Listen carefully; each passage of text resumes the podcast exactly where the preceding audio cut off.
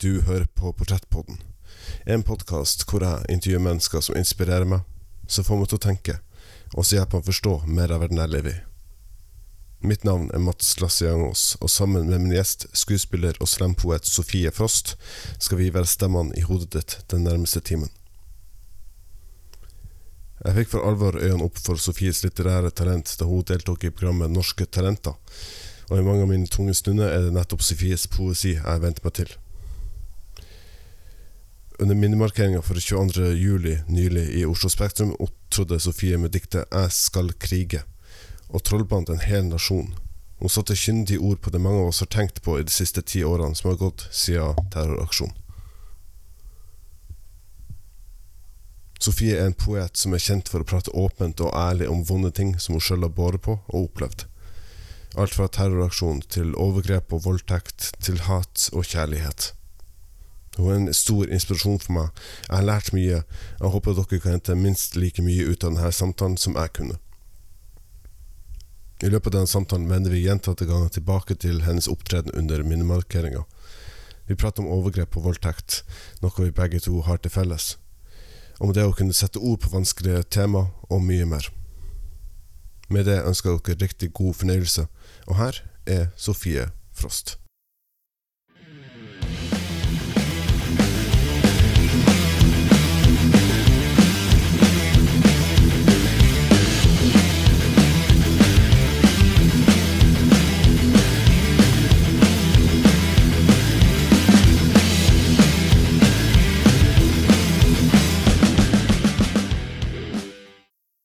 Sofie Frost, du er eh, slempoet eh, og skuespiller. Du er kjent for mange, eh, enten gjennom eh, Norske Talenter, eh, og du var også med på eh, den minnekonserten for 22. juli, som var nå for ikke så altfor lenge siden.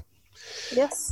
Uh, og der, Vi skal begynne der da, og jobbe oss litt, uh, litt bakover i kronologien. Uh, der frem, fremførte du et dikt som heter 'Jeg skal krige'. For, for, å begynne på litt, litt større, mer generelt spørsmål. Altså, når du står i Oslo Spektrum og altså, hele den anledninga Går det an å beskrive hvordan tanker som går gjennom hodet før lyset går på og du liksom skal, skal fremføre? Det er vel det å på en måte roe nervene. Jeg ble ganske satt ut når jeg kom ut dit, fordi kongefamilien var lyst opp, og det visste jeg ikke. Jeg så følte altså rett inn i fjeset på hele, hele, kongefamilien, og da ble jeg ganske satt ut. Så jeg bare OK. Men alle jeg, kom, jeg sto jo der ute en liten stund før kameraet kom på meg, og da ser jo publikum en helt annen retning, så det var veldig merkelig å stå på en måte midt i Oslo Spektrum og bare vente på at alle blikkene skal vende seg til meg mens jeg bare står og stirrer på kongefamilien. Mm -hmm. uh, men uh, Ja, nei, så det er på en måte litt det å kontrollere nervene og huske første setning ja. som jeg skal si. Da kommer på en måte resten greit. Ja. ja. Hadde vært, vært litt, litt dumt å stå på direkte TV og si nei, faen, nå må vi ta på, ta på nytt. Ja, det er litt uh, Det er sånn live har, har, et element av fare i seg, for å si det sånn. Ja. Det er en trykka stemning i Oslo Spektrum. På en sidescene kan man så vidt skjelne omrisset av ei ung kvinne. Lyset kommer opp på Sofie. Man kan se at hun er prega av alvoret og viktigheten av denne kvelden. Hun trekker pusten, og Bakken vibrerer. Alt tar en evighet, men skjer på sekundet. Trykket er enormt ulikt noe annet, altomfattende, paralyserende. Så kommer lyden, og jeg skjønner. Dette er en bombe. Jeg skulle bare ta bussen, og nå står jeg midt i en krigssone. Jeg skal krige. Sier jeg til pappa på telefonen. Hvis det blir krig, skal jeg krige. Pappa ber meg om å løpe, sier at en bombe kommer sjeldent alene. Du må løpe, men jeg skjønner ikke hva det er som skjer. Altså, du, du, er jo eh, dreven i, i, spoken word eh, og, og, og slampoesi, og, og, du er jo også, som jeg har vært inne på, du er også uh, skuespiller, så du er sånn, mm. vant med det å stå på scenen. Så har du, som jeg bru, bruker å spørre alle som er med her, har du noen verktøy eller noen ja, Har du noen verktøy som du benytter av for å komme over den nervøsiteten? jeg føler at jeg er ganske heldig med hvor mye nerver jeg får, for jeg får ikke så mye nerver. Ok. Um, bortsett fra nå, da, så i forbindelse med den minnemarkeringen, så har jeg aldri vært så nervøs i hele mitt liv. Eh, jeg pleier gjerne å være nervøs når folk sier OK, Sofie, nå er det din tur. Da blir jeg nervøs. Før det så kan jeg gå og bare prate, kose meg, ikke tenke noe over hva jeg skal. Eh, Noe jeg syns kanskje er et godt tips, da, er eh, ja, snakke med andre. Late som at man ikke skal på scenen om ti minutter. Ja, men Ta en ordentlig god oppvarming, eh, ha energien, ha fokuset, men kunne liksom slappe av da, og ikke bli så oppslukt i hva andre kommer til å tenke. Eller jeg har jo merka når jeg selv blir Hvis jeg blir stressa, så kan jeg overøve at jeg står inne i garderoben og øver og øver og øver teksten til jeg begynner å glemme den og jeg begynner å surre steder jeg ikke har surra før. Og da vet jeg at det er bare nerver, fordi man kan teksten. Så da er det egentlig å bare ikke øve mer. Slippe det. Slappe av. Vite, stole på at man kan det.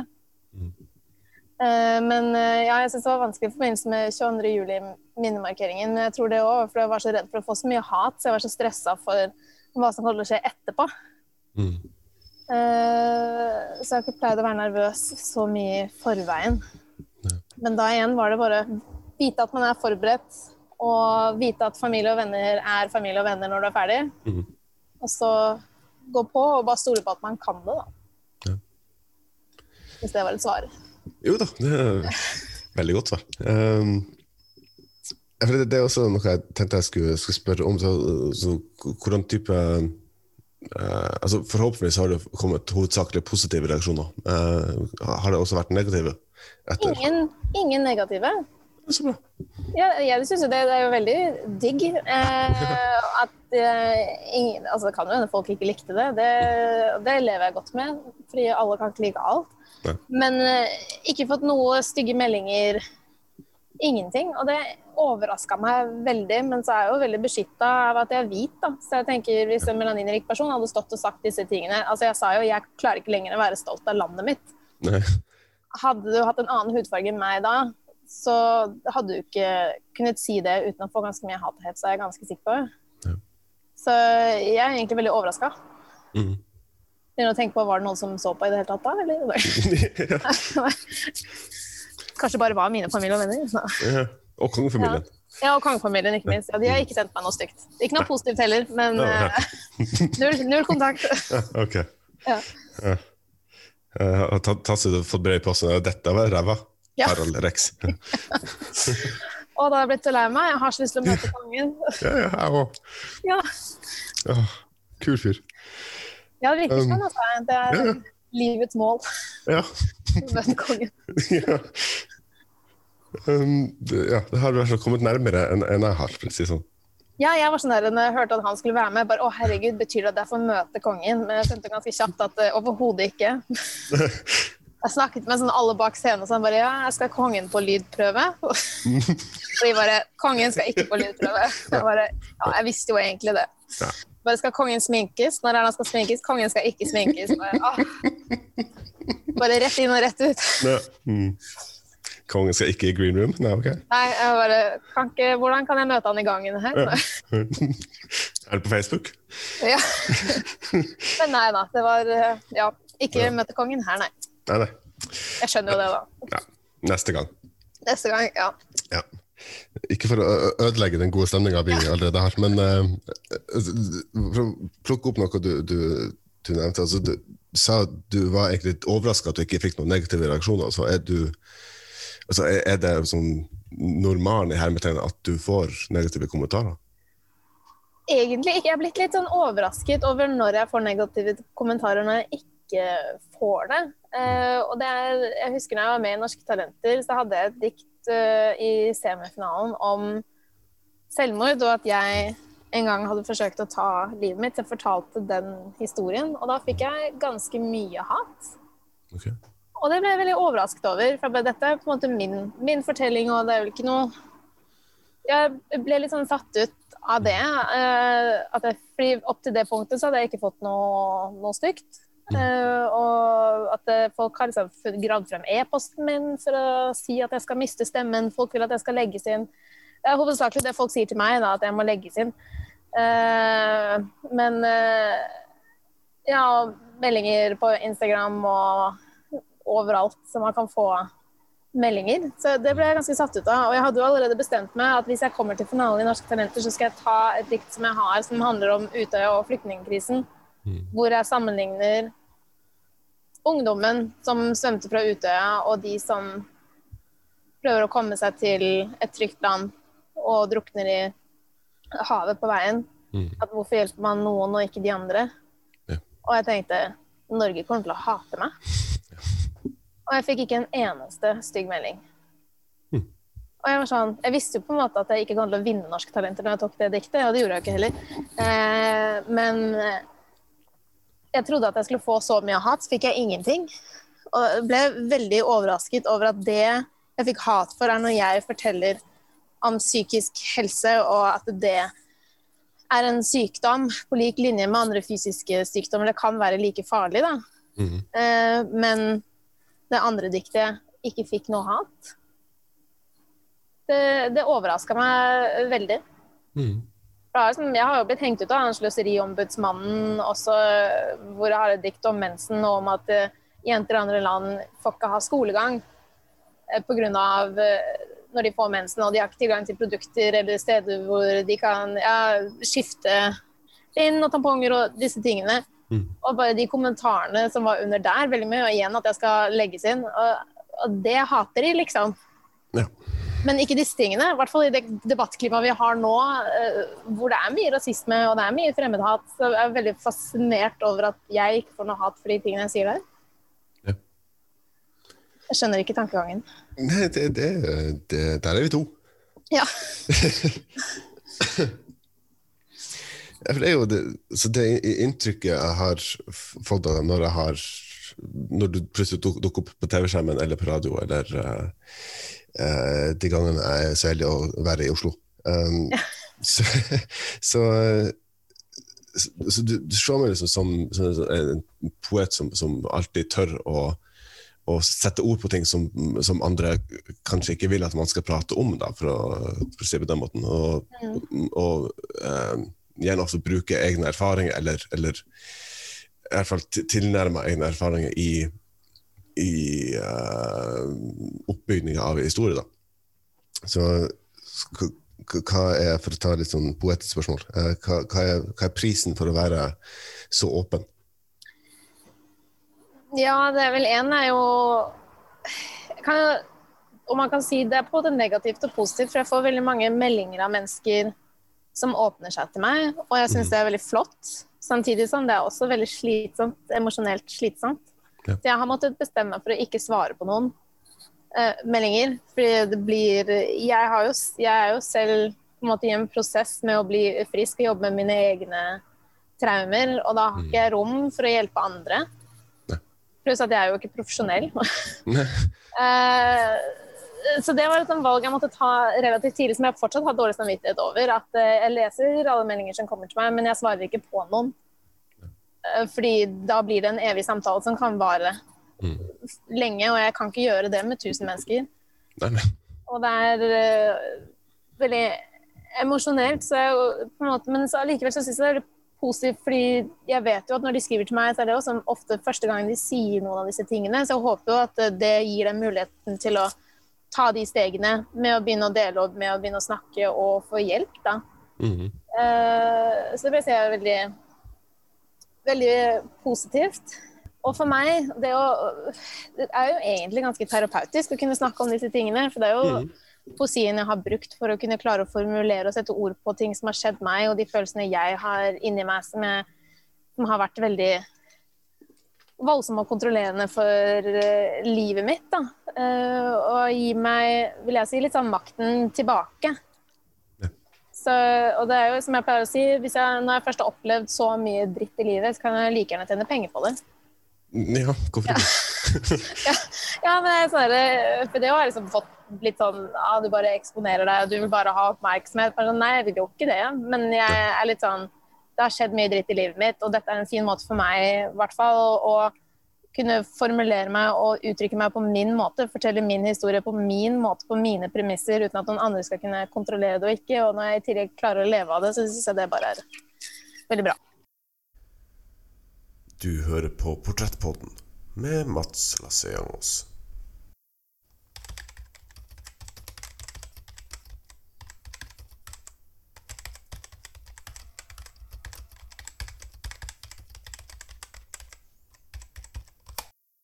Tilbake til, til research. Altså når, eh, når man da eh, googler Sofie Frost, eller man går Ja. på NRK eh, nett-TV uh, hvis man generelt uh, googler slam- slampoesi, spoken word, så er det så er det ofte du som kommer opp, og det, er- altså, det er også så positivt ment.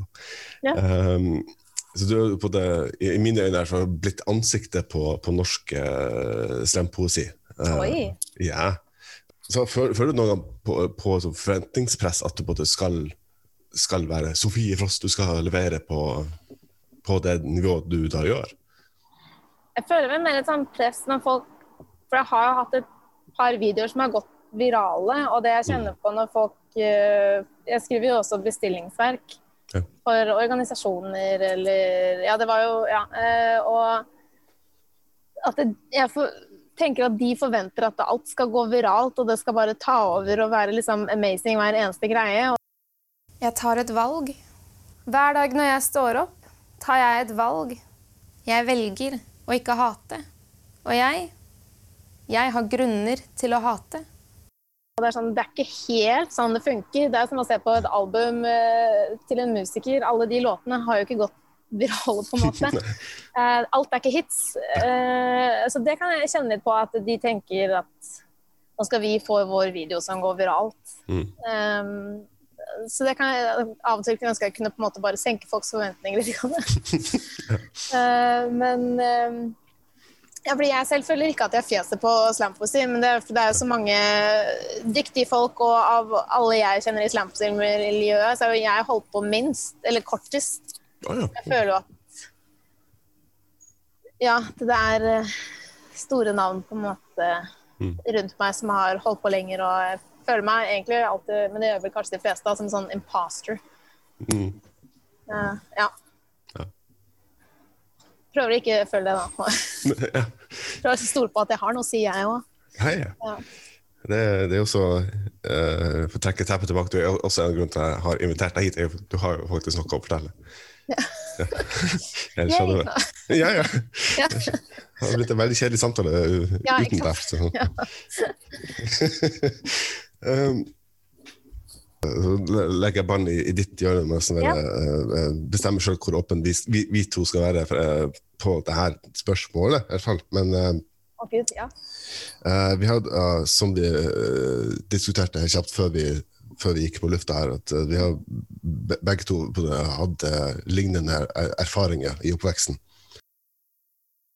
Én ting jeg og Sofie dessverre har til felles, er at vi begge har blitt utsatt for overgrep og voldtekt. Mine følelser er ikke sanne, og 13 år gamle meg angret på at jeg hadde tatt på meg det skjørtet. Jeg har grunner til å hate. Jeg har så utrolig mange grunner til å hate denne hvite, norske slektningen min. Men jeg tar et valg. Det er allerede lenge siden nå, og det er ikke lenger noe jeg tenker på hver dag. Men, men av og til, når jeg opplever tilbakefall eller noe bringer minnene tilbake, så hører jeg på akkurat det her diktet. Alt som hun Sofie klarer å sette ord på. Alle de samme ordene som jeg tenker, men som bare blir sittende fast i halsen min. Jeg prøvde å dytte han av, men jeg var ikke sterk nok. Jeg sa nei, men han hørte ikke etter. Det jeg lærte var mine ord holder ingen verdi. Jeg har ingen verdi. Og når det kom til meg, så gikk jeg, jeg gikk veldig fort inn i meg sjøl og så prøvde å gjøre alt det ytre veldig mye større, og så at ingen skulle se hva som virkelig uh, foregikk inn, uh, innad. da. Mm. Uh, men hvis du altså, nå i dag fall har den muligheten til å, sette ord på ting som jeg, som jeg sjøl tenker på, men som jeg ikke har det vokabularet til å gjøre, så, så hvordan uh, Altså for å litt, på, litt på generelt nivå gå gjennom den, den uh, reisa. Hvor, hvordan har du kommet dit hvor, hvor du faktisk klarer å sette ord på overgrep og voldtekt og sånne ting som er veldig vanskelig å prate om? Jeg gikk vel først gjennom ti år av å prøve å være perfekt. Mm. Og stille og snill og Ja, for jeg var et veldig sint barn. eh, Og veldig energisk og veldig voldsom veldig mye. Mm. Og så, da jeg ble utsatt for overgrep, så ble jeg veldig stille. Mm. Og veldig snill og ja, perfekt. Skulle være tynn, hadde mange venner, Mm. drev med alle sporter, gjorde det dritbra på skolen.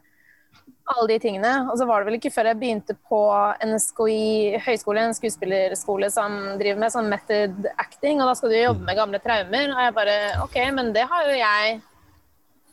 Og begynte å jobbe med det og skjønte at det her har jeg aldri tatt tak i egentlig noen gang. Jeg hadde bare presset det langt inn, ikke engang tenkt på det.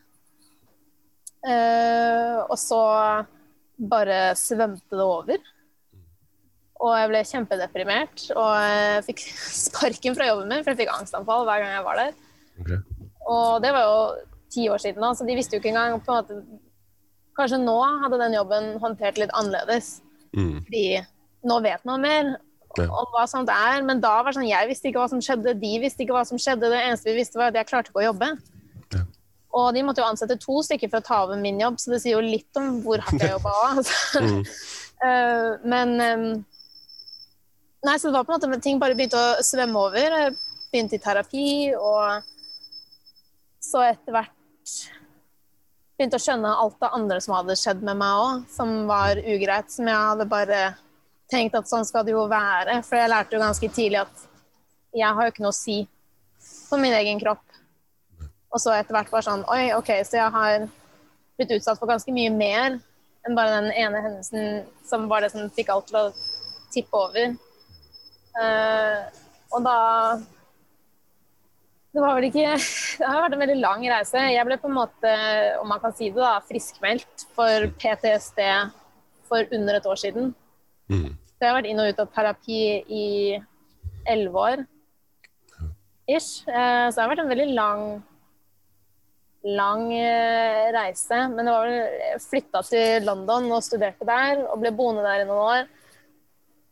Og det var da jeg begynte å skrive. Mm. Og begynte så smått å bruke kunsten da, til å sette ord på de tingene jeg opplevde. Det var vel det som jeg vil si var starten på å virkelig begynne å finne en retning mot å leges. Mm. Og å finne en retning for å finne tilbake til den personen jeg egentlig er. Det barnet som var så sint og som var så voldsom.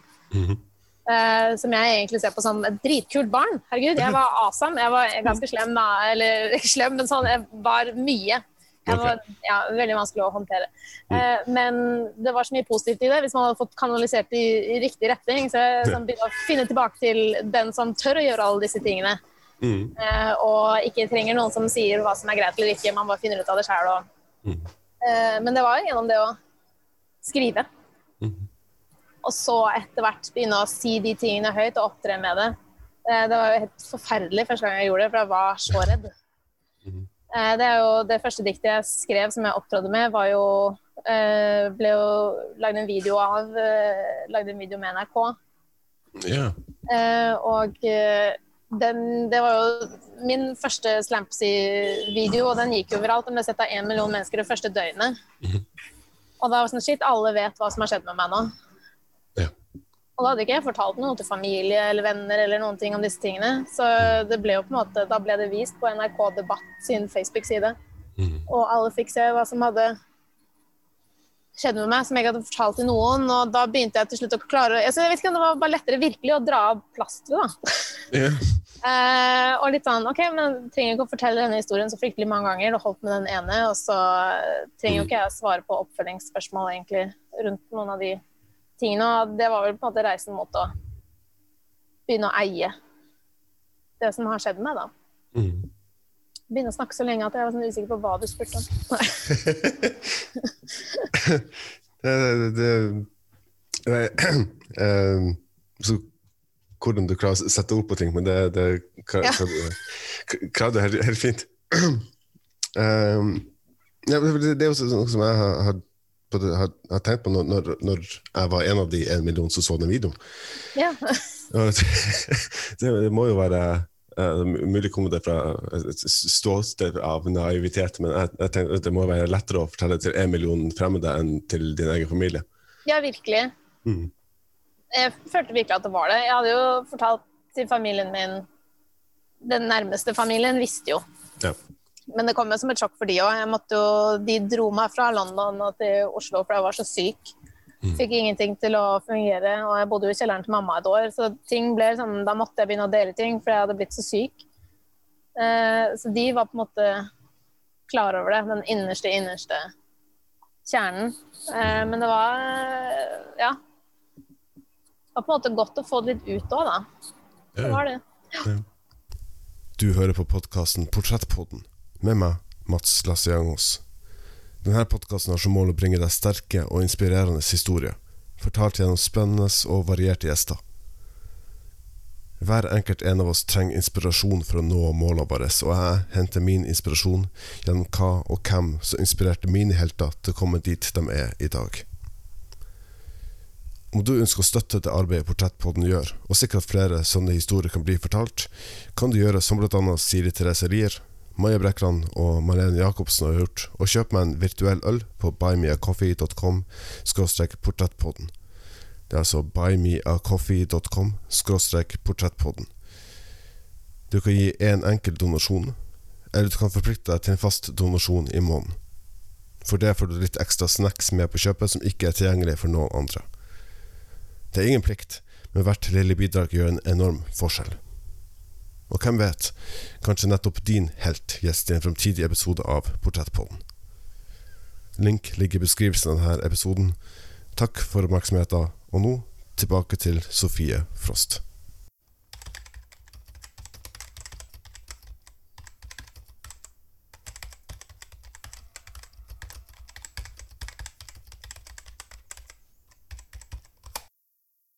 Method acting er jo det, det, det kunstformen av, av eh, skuespill hvor man skal bruke av egne erfaringer og egne traumer til å uh, begrunne karakterens valg. Um, det er også det, altså, Se litt større på det, altså, det man, man, bruker seg sjøl for å fortelle historier. Man uh, bruker også, i hvert fall det inntrykket jeg har fått da, gjennom ja. uh, ditt spoken word, også at du bruker mye av deg sjøl til å fortelle ei historie. Um, men så er det jo også altså, på, på, på, et eller annet tidspunkt må man jo sette, sette, en strek her, så blir man jo syk hver gang man går på scenen. Ja, ikke sant. Så, så hvordan type me mekanismer har du for å kunne altså Enten gjennom, gjennom skuespill eller spoken word, og på det, være personlig, men ikke privat? Ja, for meg så er det sånn Du må være veldig flink til å skru av. Mm. Uh, du må kunne komme deg ut av det du går inn i, ganske kjapt. Ja. For Du kan ikke bli værende i den følelsen. Du kan ikke gå hjem og fortsatt være i den følelsen som du bruker. Uh, så jeg tror kanskje folk ser på meg som litt gal. Uh, hvert fall tenkte veldig mye under, på det under den uh, lydprøven og generalprøven og sånn på, eller lydprøven på i Oslo Spektrum der, fordi det er jo et voldsomt dikt. Og jeg går rett inn i følelsene når jeg begynner å si det, men eh, mellom når de skal sjekke lyd og lys og alt sånn, så tuller jeg. Jeg står der og tulledanser, snakker med folk, slår an vitser. Fordi jeg kan ikke være i den følelsen hele tiden. Eh, så jeg, men det er jo en øvelsessak å bli flink til å skru av. Mm. Eh, tror jeg er veldig viktig, for hvis ikke så kan det bli ganske dårlig.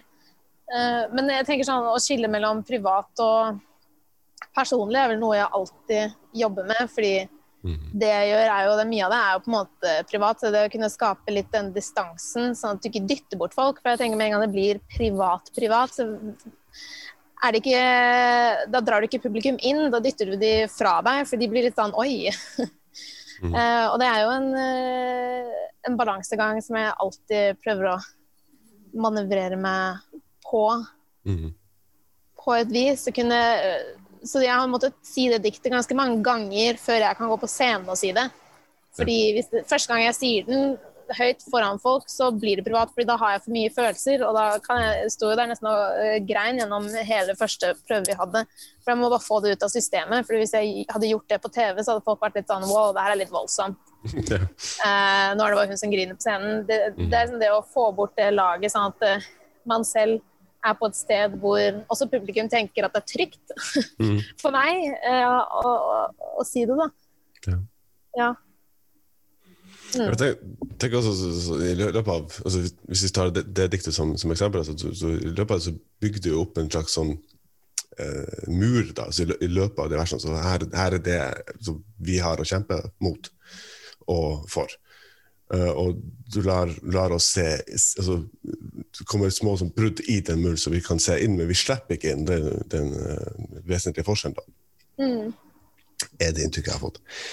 Ja, ja, det høres en veldig fin måte å formulere det på. Den skal jeg ta. Jo takk. Den skal du bare bruke. Ja. Når man på det er, er såpass um, uh, direkte og, og, og personlig da, om, om vanskelige ting, Mm. um, så kan det jo fort være sånn at folk, tar, litt, tar litt avstand og er litt usikre på hvordan man skal forholde seg til det. Uh, men tilbake til at man, man, ikke, man ikke er privat, er at uh, dramatikeren Harold Pinter var også veldig glad i uh, pauser så vel som i replikker. Ja. Altså, det, altså, det, skje, altså, det skjer like mye viktig mell, mellom replikkene som i det man faktisk sier. Så, Mm. så hvor, hvor mye legger du i, i pausene dine? For meg så er det sånn, jeg bruker nok pause kanskje litt mer kynisk eh, enn det Harold Pinter gjør. Det er kanskje litt sånn forskjellen mellom dramatikk og spoken word. fordi i dramatikk så er det jo veldig gjerne de hullene hvor historien utspiller seg, hvor publikum kan putte sin fantasi inn. Ja. eh, Og få være med i historiefortellingen. Mens i spoken word så er det ikke like mye rom Nei. for publikum å danne sin egen eh, fantasi. Eller det kan jo være det. Eh, Det kommer jo an på hvordan man gjør det. Jeg er jo veldig direkte, og jeg sier ting som det er, så det er ikke så mye rom for tolkning. Eh, Mine pauser er jo litt mer sånn at jeg har de for effekt, om man kan si det sånn. da, at eh, i forbindelse liksom med historieoppbygging og skift i retning og oppbygging Ja, at uh, Og jeg tenker det er liksom litt viktig med pusterom, da, for jeg snakker jo ganske fort og uh, det. Men uh, ja, for å gi rom for en tanke som endrer retning. Ja, Man kan jo bruke det på mange forskjellige måter. Jeg har jo en pause når jeg har en tekst hvor jeg ramser opp ting veldig fort og kjapt, og så en veldig sånn dramatisk pustepause for å illustrere at shit, det var litt voldsomt. På en Mm. måte. ja, eller ja, så Det er vel mer sånn ja, historieoppbygging Mm. jeg bruker de pausene til, da. Ja. Ja, for det, altså, det, er så, så, poetisk rot- rota meg borti, var altså, altså, hvor mye eh, hold, holder du da tilbake fra altså, altså, det, det vi faktisk hører, er jo veldig direkte med hvor mye ligger igjen i uh, din, din egen uh, fantasi, da, som vi ikke får ta del i. Ja, ikke sant? Ja, det Det et godt Det, har du svart ganske, ganske fint på. Så det er Ja. um, igjen tilbake til at du er veldig direkte og åpen. Um, og så for godt sagt, altså, jeg, jeg, jeg kjenner jo ikke deg, men jeg, jeg føler at jeg gjør det. For jeg får ta del i så mye som du har opplevd, og, ting du syns er vanskelig, eller ting vi må endre på. Så da, da føler jeg som jeg, altså, ikke nødvendigvis at vi har sittet og tatt en pils i fire timer, men, men, men at vi, vi, så vi, vi er på nikk, i hvert fall. Ja. Uh, så, så, men er, er, altså, er det noe du ikke klarer å skrive poesi om? Altså, er det noe, et tema du tenker at det, det her rører jeg ikke? Nei, jeg tenker jeg er litt Man kan på en måte skrive om alt. Jeg bare tenker Det er viktig å tenke på hvilken historie du forteller. Jeg vil ikke fortelle andres historie. Ja.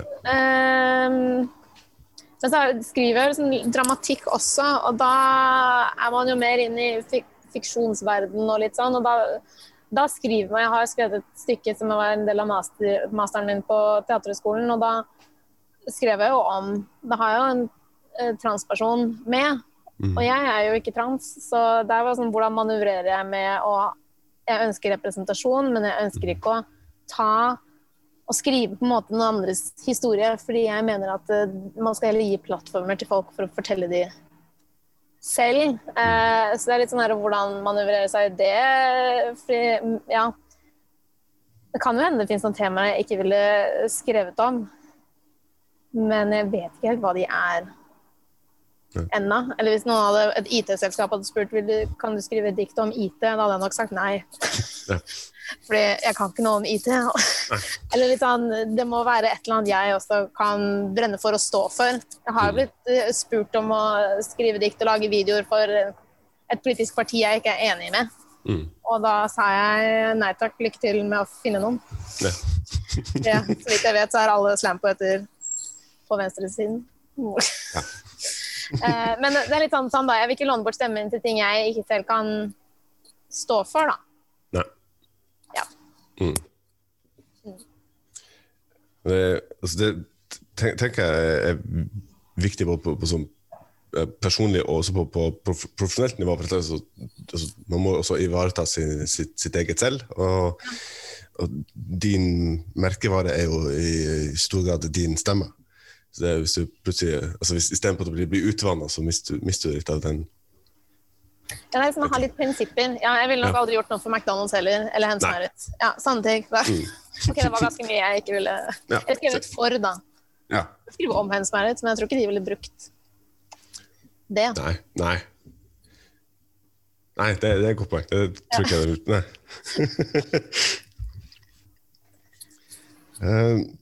Jeg har dårlig samvittighet over alle Maurits-plagene jeg faktisk har i skapet mitt. Så dobbeltmoral. Ja. ja. Jeg tror til og med jeg har på meg en som er litt sånn ja. Jeg vet ikke, men jeg har fått, fått den her, så I don't Ja. Mm, heia. Kanskje. Ja. heia.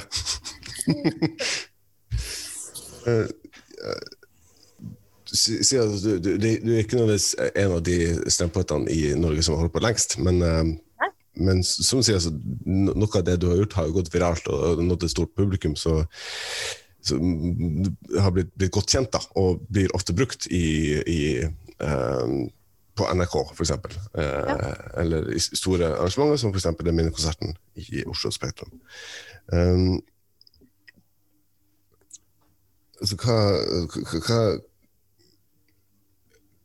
hva var den, den, den, den ene personen eller ene eh, øyeblikket, for å gå litt nærmere inn på det, som gjorde at du for jeg skal begynne med spoken word og slampoesi Det var søstera mi. Eh, fordi hun hadde vært og sett eh, visningene jeg hadde da jeg tok eh, master i London. Mm. Eh, hvor jeg liksom første gang begynte å skrive litt min egen historie. Det var mer i monologform, da. Og det var også første gang jeg åpnet meg opp til hva som har Hva jeg hadde blitt utsatt for eh, eh, opp igjennom. Eh, og så sendte hun meg en video av en mann eh, som heter eh, Pages Matan, eh, og et dikt han har som.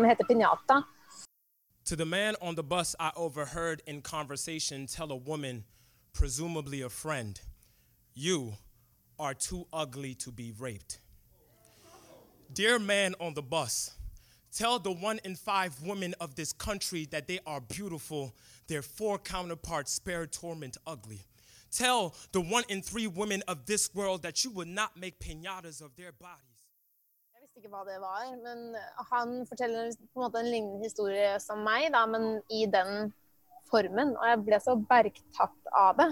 Mm. Fordi det var så enkelt, på en måte. Det var ikke så fancy, og det var ikke noe liksom, regler og noe rundt det. Det var på en måte hans ærlige historie. Og det var rytme, og det var rim og god bruk av språk. Da. Mm. Og da var jeg sånn Shit, OK, man kan gjøre det her, ja. Det visste jeg ikke. Og da begynte jeg å skrive. Mhm. Tell my 11th grade student Lauren that she wanted it. Her beauty had them coming. Tell my 7th grade student Michaela that she wanted it. Her beauty had him coming. Tell my 3rd grade student Andre that he wanted it. His beauty had him coming. Tell the 8 year old me. Hva, hva er det skumleste for deg med å fremføre slampoesi? Jeg syns det er skummelt hver gang det er et nytt dikt. Mhm. For da tar man jo alltid en sjanse. Man vet aldri helt hvordan det skal bli tatt imot.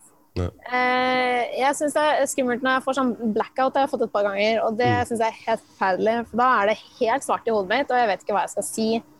Eh, og det var sånn, Jeg hadde aldri noe problem med det før jeg begynte med standup.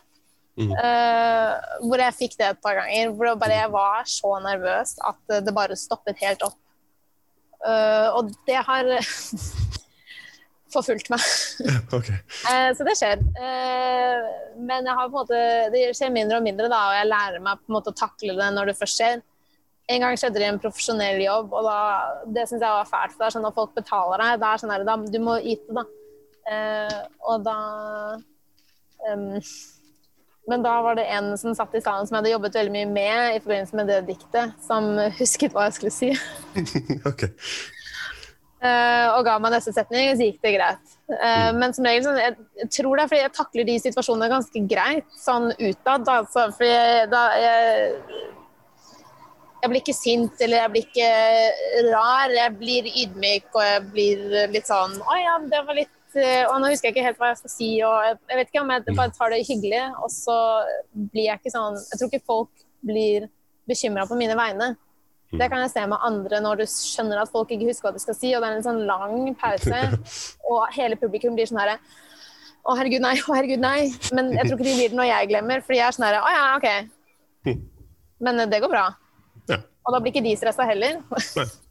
Um, men det er liksom det ja, en, Det er ikke gøy når det skjer, for jeg vil jo at det skal gå smooth. Men, uh, men det hender. Men man overlever. Man er bare menneske. Da. Tenker også så, så, Med mindre man fremfører et dikt som har gått, uh, gått viralt, så er det jo ingen som vet hvordan det diktet egentlig skal gå. Så Nei, om du improviserer i fem minutter mens du husker teksten, så eh, går jo det helt fint. Ja, jeg sa jo litt feil under minnemarkeringen. Ups. Men det er bare jeg som vet det. Ja, ja. Nå vet alle som hører på det her, det, da. Men Jo da. eh, det gikk jo greit. Det er, sånn, det er, jo, det, det er jo live. Det Ja. å si alt helt ordrett som det som står på papiret, det er ikke ofte jeg gjør det. Nei. Men det er jo the gist. Altså, det er jo fortsatt Mm. det, er jo det samme, bare noen andre ord her og der. ja. Så skal jeg motstå fristelsen til å spørre hva det var du sa feil. Skal bare Ja, men det kan man lett finne ut, skjønner du. Mm -hmm. okay. Nei, ja, men jeg skal legge ut teksten eh, Jeg tenkte å legge ut teksten på Instagram i morgen. Mm. Så hvis du ser på videoen og leser den teksten samtidig, så ser du hvor det er. Ja, ok. Ja. Vær så god. Da- ja, folk er det heller gjøre det, så skal skal vi la, la, la det, det toget kjøre Ja. eh, videre. Um, for å eh, vende litt tilbake, så klokka går veldig fort her, men Ja. uh, vende litt tilbake til, uh, til den minnemarkeringa i Oslo Spektrum. Um, Mm. altså, før du går på, du er veldig nervøs, du ser plutselig kongefamilien er opplyst. Uh, nevner du sa et par ting som ikke sto i manus, eller som var, var feil. Uh, helhetlig, hvor- hvor- hvordan, hvordan var følelsen når du er ferdig? Siden jeg sa litt feil, så var jeg så skuffet over meg selv. Mm. Uh, jeg var skikkelig lei meg. Ja. Eh, og jeg var sint uh, på meg selv. Eh, og selv om sånn, jeg vet at ingen andre merker det, og når jeg kom av scenen, så står liksom de som jobber der, har tårer i øynene og sier at det er bra, men det, er sånn, det hjelper meg ikke. Fordi hvis jeg selv ikke syns det er bra, så Mm. kan folk gi meg verdens beste komplimenter, men jeg, det påvirker meg ikke. Og det syns jeg er litt sånn synd. Uh, og jeg snakket en del med faren min om det, og han bare ikke la perfeksjonismen bli din fiende. Uh, så det er jo på en måte bare det å legge det fra seg. Mm. Og gå videre og vite at det gikk jo bra. Eh, og jeg fikk sagt det jeg skulle si, og selv om jeg Men jeg har veldig høy standard for meg selv. Veldig kritisk til meg selv. Og jeg syns det er kjipt når jeg vet det kunne blitt bedre. Ja. Så selv om andre syns det er bra, så tenker jeg ja, men du skulle bare visst. Det kunne blitt så mye bedre. Det, men eh, ja, det er på en måte noe jeg bare må lære meg å slippe. Ja. Og gå videre. Det eneste er som en sånn her ting, når det er så betydningsfullt, Mm. og noe som det betød så mye for meg å bli spurt, fordi den dagen har påvirket meg ekstremt mye, og den har hatt mye å si for at jeg begynte å skrive. Og dette er noe som kommer til å ligge ute resten av livet mitt. Yeah. At jeg sier noe feil på en vanlig performance i en bar, liksom. Mm. Jeg mener jo at det publikummet fortjener det beste av meg, de òg. Men, men det, det lever på en annen måte. Ja. Uh, så jeg syns det var ganske skuffende, det må jeg innrømme å si. Ja. Det var lei meg. Ja. Det, det kan, jeg, kan, kan jeg for så vidt uh, forstå. Uh, så jeg som, som, som vanlig dødelig uh, i, i, sånn kontekst så jeg, så jeg hadde ikke altså jeg, hadde ikke klart, jeg bare sagt hallo, så har jeg gått av scenen. Ja. hadde ikke hatt helt den samme effekten, tror jeg. Du har kanskje ikke like stort eksponeringsbehov som meg? Nei, det har jeg slått ikke. jeg liker meg bedre på denne sida av, av mikrofonen. Det, det går fint. Um, så, hvordan har du det nå i, i dag? Altså, altså, har den, den, følelsen sluppet taket? Altså, er du fortsatt skuffa? Jeg slipper taket 95% Ok. Det, det, er bra. Ja, jeg tenker det er bra. Jeg kommer sikkert til å irritere meg litt over det resten av mitt liv, men ikke på en mm. måte som skal påvirke meg nå. Nei. Nei, Og så er det litt Ja, man er jo bare menneske, og andre likte det. Uh, og syntes det var ålreit. Jeg har fått masse positive tilbakemeldinger, og det har jo vært en opplevelse for livet å få være med på det. Mm. Ønsker du å se videointervjuene som denne og andre episoder av Portrettpodden er basert på, kan du støtte Portrettpodden på www.buymeacoffee.com portrettpodden. For en månedlig donasjon får du ikke bare tilgang til en uredigerte videoversjon av intervjuet, men du får også en personlig takk i fremtidige episoder av Portrettpodden, samt muligheten til å kunne foreslå gjester og få ditt spørsmål stilt i en fremtidig episode. www.buymeacoffee.com portrettpodden.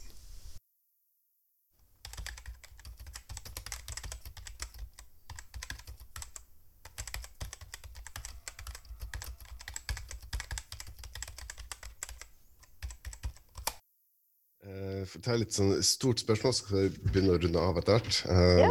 Oi, det kommer et stort spørsmål? Ja, ja litt, litt mer så open-ended, for å bruke godt norsk ord. Ja.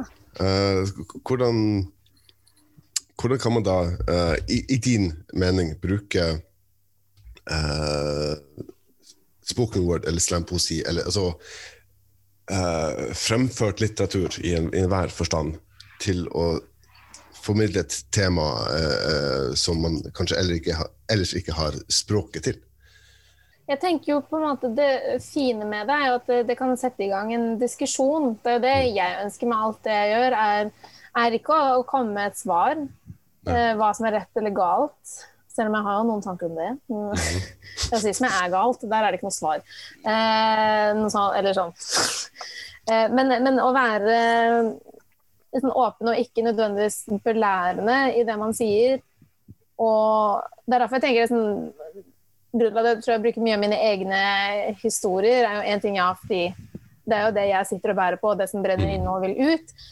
Men det er det også sånn, da kan jeg vise én side av en sak. Dette er meg. Ja. La oss snakke. Mm. Uh, og rett og slett, om man provoserer Provosere tenker jeg egentlig er veldig positivt. at Provosere til debatt, provosere til samtale. Ok, hvorfor blir du sint? Interessant. Mm. Uh, hva er det ved dette? At det er rett og slett bare det å prøve å få i gang en samtale. Mm. jeg tror spoken word kan være en veldig fin måte å gjøre det på. For det er enkel poesi. Det er ikke veldig fancy med masse sånn uh, skjulte ting uh, som man skal tolke seg frem til. Det er veldig sånn Hei, jeg heter Sofie. Dette er det jeg har opplevd. Mm. Eh, det er ikke noe noen nødvendigvis trenger å bruke norsktimen sin på å tolke. Uh, og da tror jeg det er litt lettere å, å starte en samtale ut ifra, da, kanskje. Mm. Ja. Det er også noe som jeg tror de aller fleste vil være enig i, at vi, uh, vi trenger, trenger, mer debatt, ikke mindre. Um, ja, virkelig. Ja, og det er jo uh, ikke, ikke for å bruke altfor mye tid på det, men det er jo også nødt altså, viktig, å, viktig, å, nevne at det er jo mye som har skjedd i de siste ti årene siden 22.07.2011. Mm. Uh, og sikkert også mye vi kunne gjort annerledes eller bedre. Men uh, mye av det som også ble tatt opp på det konsert var at uh, vi er nødt til å ta et større oppgjør med ja. rasisme og fremmedhat og diverse. Var det noen som sa Nå avbrøt jeg deg. Nei, nei, jeg var midt i en tanke som ikke gikk noe plass. Så ja, avbrøt deg. No. Men eh, nei, det er et ordtak som jeg aldri husker hvem som har sagt. som jeg mm. lærer meg. Men uh, hvis alle var venner, så hadde man Eller hvis, ja, så hadde det ikke vært noen krig. Hvis vi alle kjente hverandre, på en måte. Mm. Uh, og det tenker jeg jo litt det om slampoesi, at man forteller sin egen historie, så blir kanskje folk litt kjent med et menneske. bak Mm. en statistikk da, eller bak et tema. Ja. Eh, og det tenker jeg mye i hvert fall med det med vold og, og overgrep og, og det der. At veldig mange har Det er mye myter, det er mye fordommer. Mm. Og det er mye statistikk. Én av ti, én av tre. Ok, Mm. men, men å dra det ned på et menneskelig nivå Det er jo det egentlig mange kaller identitetspolitikk, som jeg egentlig mener er veldig positivt, jeg da, hvis man bruker identitetspolitikk riktig. Jo. Er jo å gi fjes, menneskelig ansikt, til, til temaet. Og da tror jeg òg det blir vanskeligere å hate hverandre, da, og mm. vanskeligere å ikke gi rom til hverandre. Og da er det litt mer hvis vi alle var venner. Er jeg har en slektning som eh, har sagt ganske mange rasistiske ting, og så var det en annen slektning som fikk en melaninrik kjæreste, og denne slektningen ble kjent med dette mennesket. Mm. Og var sånn Å ja, men deg hater jeg jo ikke. Og det er sånn, ja, det er fordi du har blitt introdusert en idé, men nå ser du mennesket.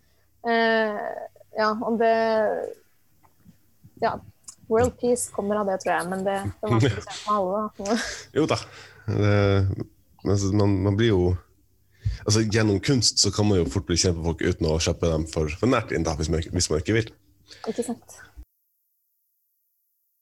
Prøv, prøv, prøv å avslutte med sånn uh, fem kjappe, som det heter så fint. Uh, altså, navn eller setning, og svar det første som dukker opp i hodet ditt. Eh, skal, skal ikke spørre om sånn kjempevanskelige ting, så eh, skal, skal ikke være nødt til å stresse over det. Men uh, fullfør setninga. Jeg føler meg mest sårbar når Oi. Eh, jeg føler meg mest sårbar når jeg er alene, men det er feil. Men det var det som kom. eh, Jeg føler meg mest sterk når Jeg er alene. det er jo det som Niklas sa. Det kommer til å være svaret mitt på alt nå. Nå har jeg bare festa meg i en loop. Eh, ok. Fargen min er 'når jeg er alene'. Ja, skal vi få eh, teste den teorien, da. Eh, min største helt er Guro Sibeko. Ja. Ja. ja. Uh, eh, Uartig, for nummer fire her står Guro Sibeko. Gjør det det? Ja, spørsmålstegn. Er min helt. Ja, ok, ja. Nei, var det det? Ja, ja. Ja, det var veldig morsomt. Du, kan sikkert ikke se, liksom, men der står det Guro. Ah, der, ja, det gjør det. Oi, oi, oi. Ja, det er svart på hvitt. Morsomt. Ja, ja, ja. Eh, min største styrke er Ærlighet. Det er vel kanskje noen sier det mest frustrerende med meg òg, men jeg òg. Nei, altså, det, det, er, det, er, det, er, det ikke Det er ikke det aller verste å være, være ærlig, altså. Jeg er veldig dårlig på å lyve og sånn, så da klarer jeg ikke å liksom si at eh, babyen til venninna mi er søt. Hvis hun spør, så bare «Men er jo ikke det. ja, det er ikke sikkert. Jeg sier jo ikke det, da. Jeg bare sier ingenting. ja. Ja, det er litt det. Mm. ja, det er kanskje, kanskje lurest å la være, men uh, ja, ja. Ja, det er ikke Man kan være ærlig når folk spør. ja. Hvis du lurer på noe, da skal du få et ærlig svar. Men jeg gidder ikke å si den T-skjorten der var stygg hvis du ikke har spurt hva jeg syns. Det er jo egentlig kanskje bare slemt. Jo da. Hvis det kommer et direkte spørsmål syns du den babyen er stygg, ja eller nei, så, så, Da, ja, ja, da er det, da det innafor å svare. da ber de om det. Mm. Ja. Mm. Um, hvis du kunne hatt en superkraft, uh, hva ville det vært? Jeg ville vært Jean Grey i X-Men. Dette har jeg tenkt lenge. på. altså, hun som skader folk når hun tar på dem? Nei, det er Rogue. Ja, ok. Nei, Ja. eller Rue, eller å, Gud, jeg husker ikke hva den heter. Ja. Ja. Eh, men eh, nei, Jean Grey, hun med rødt hår, det er hun som er den sterkeste av dem alle. Eh. Så hun kan gjøre alt. Hun kan være usynlig, hun kan kontrollere folks eh, tanker og handlinger. Hun kan fly, hun kan fly, hun kan alt.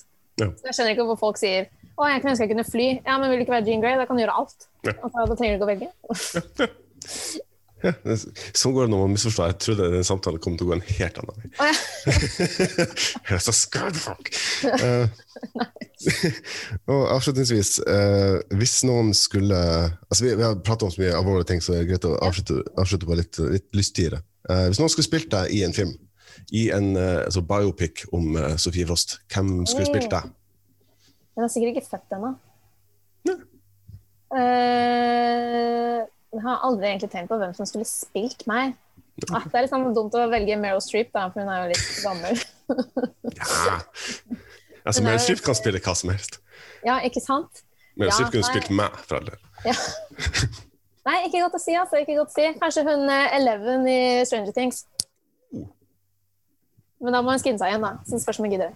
Ja, ja. ja. Det, det er ikke det verste svaret, det. altså. Nei.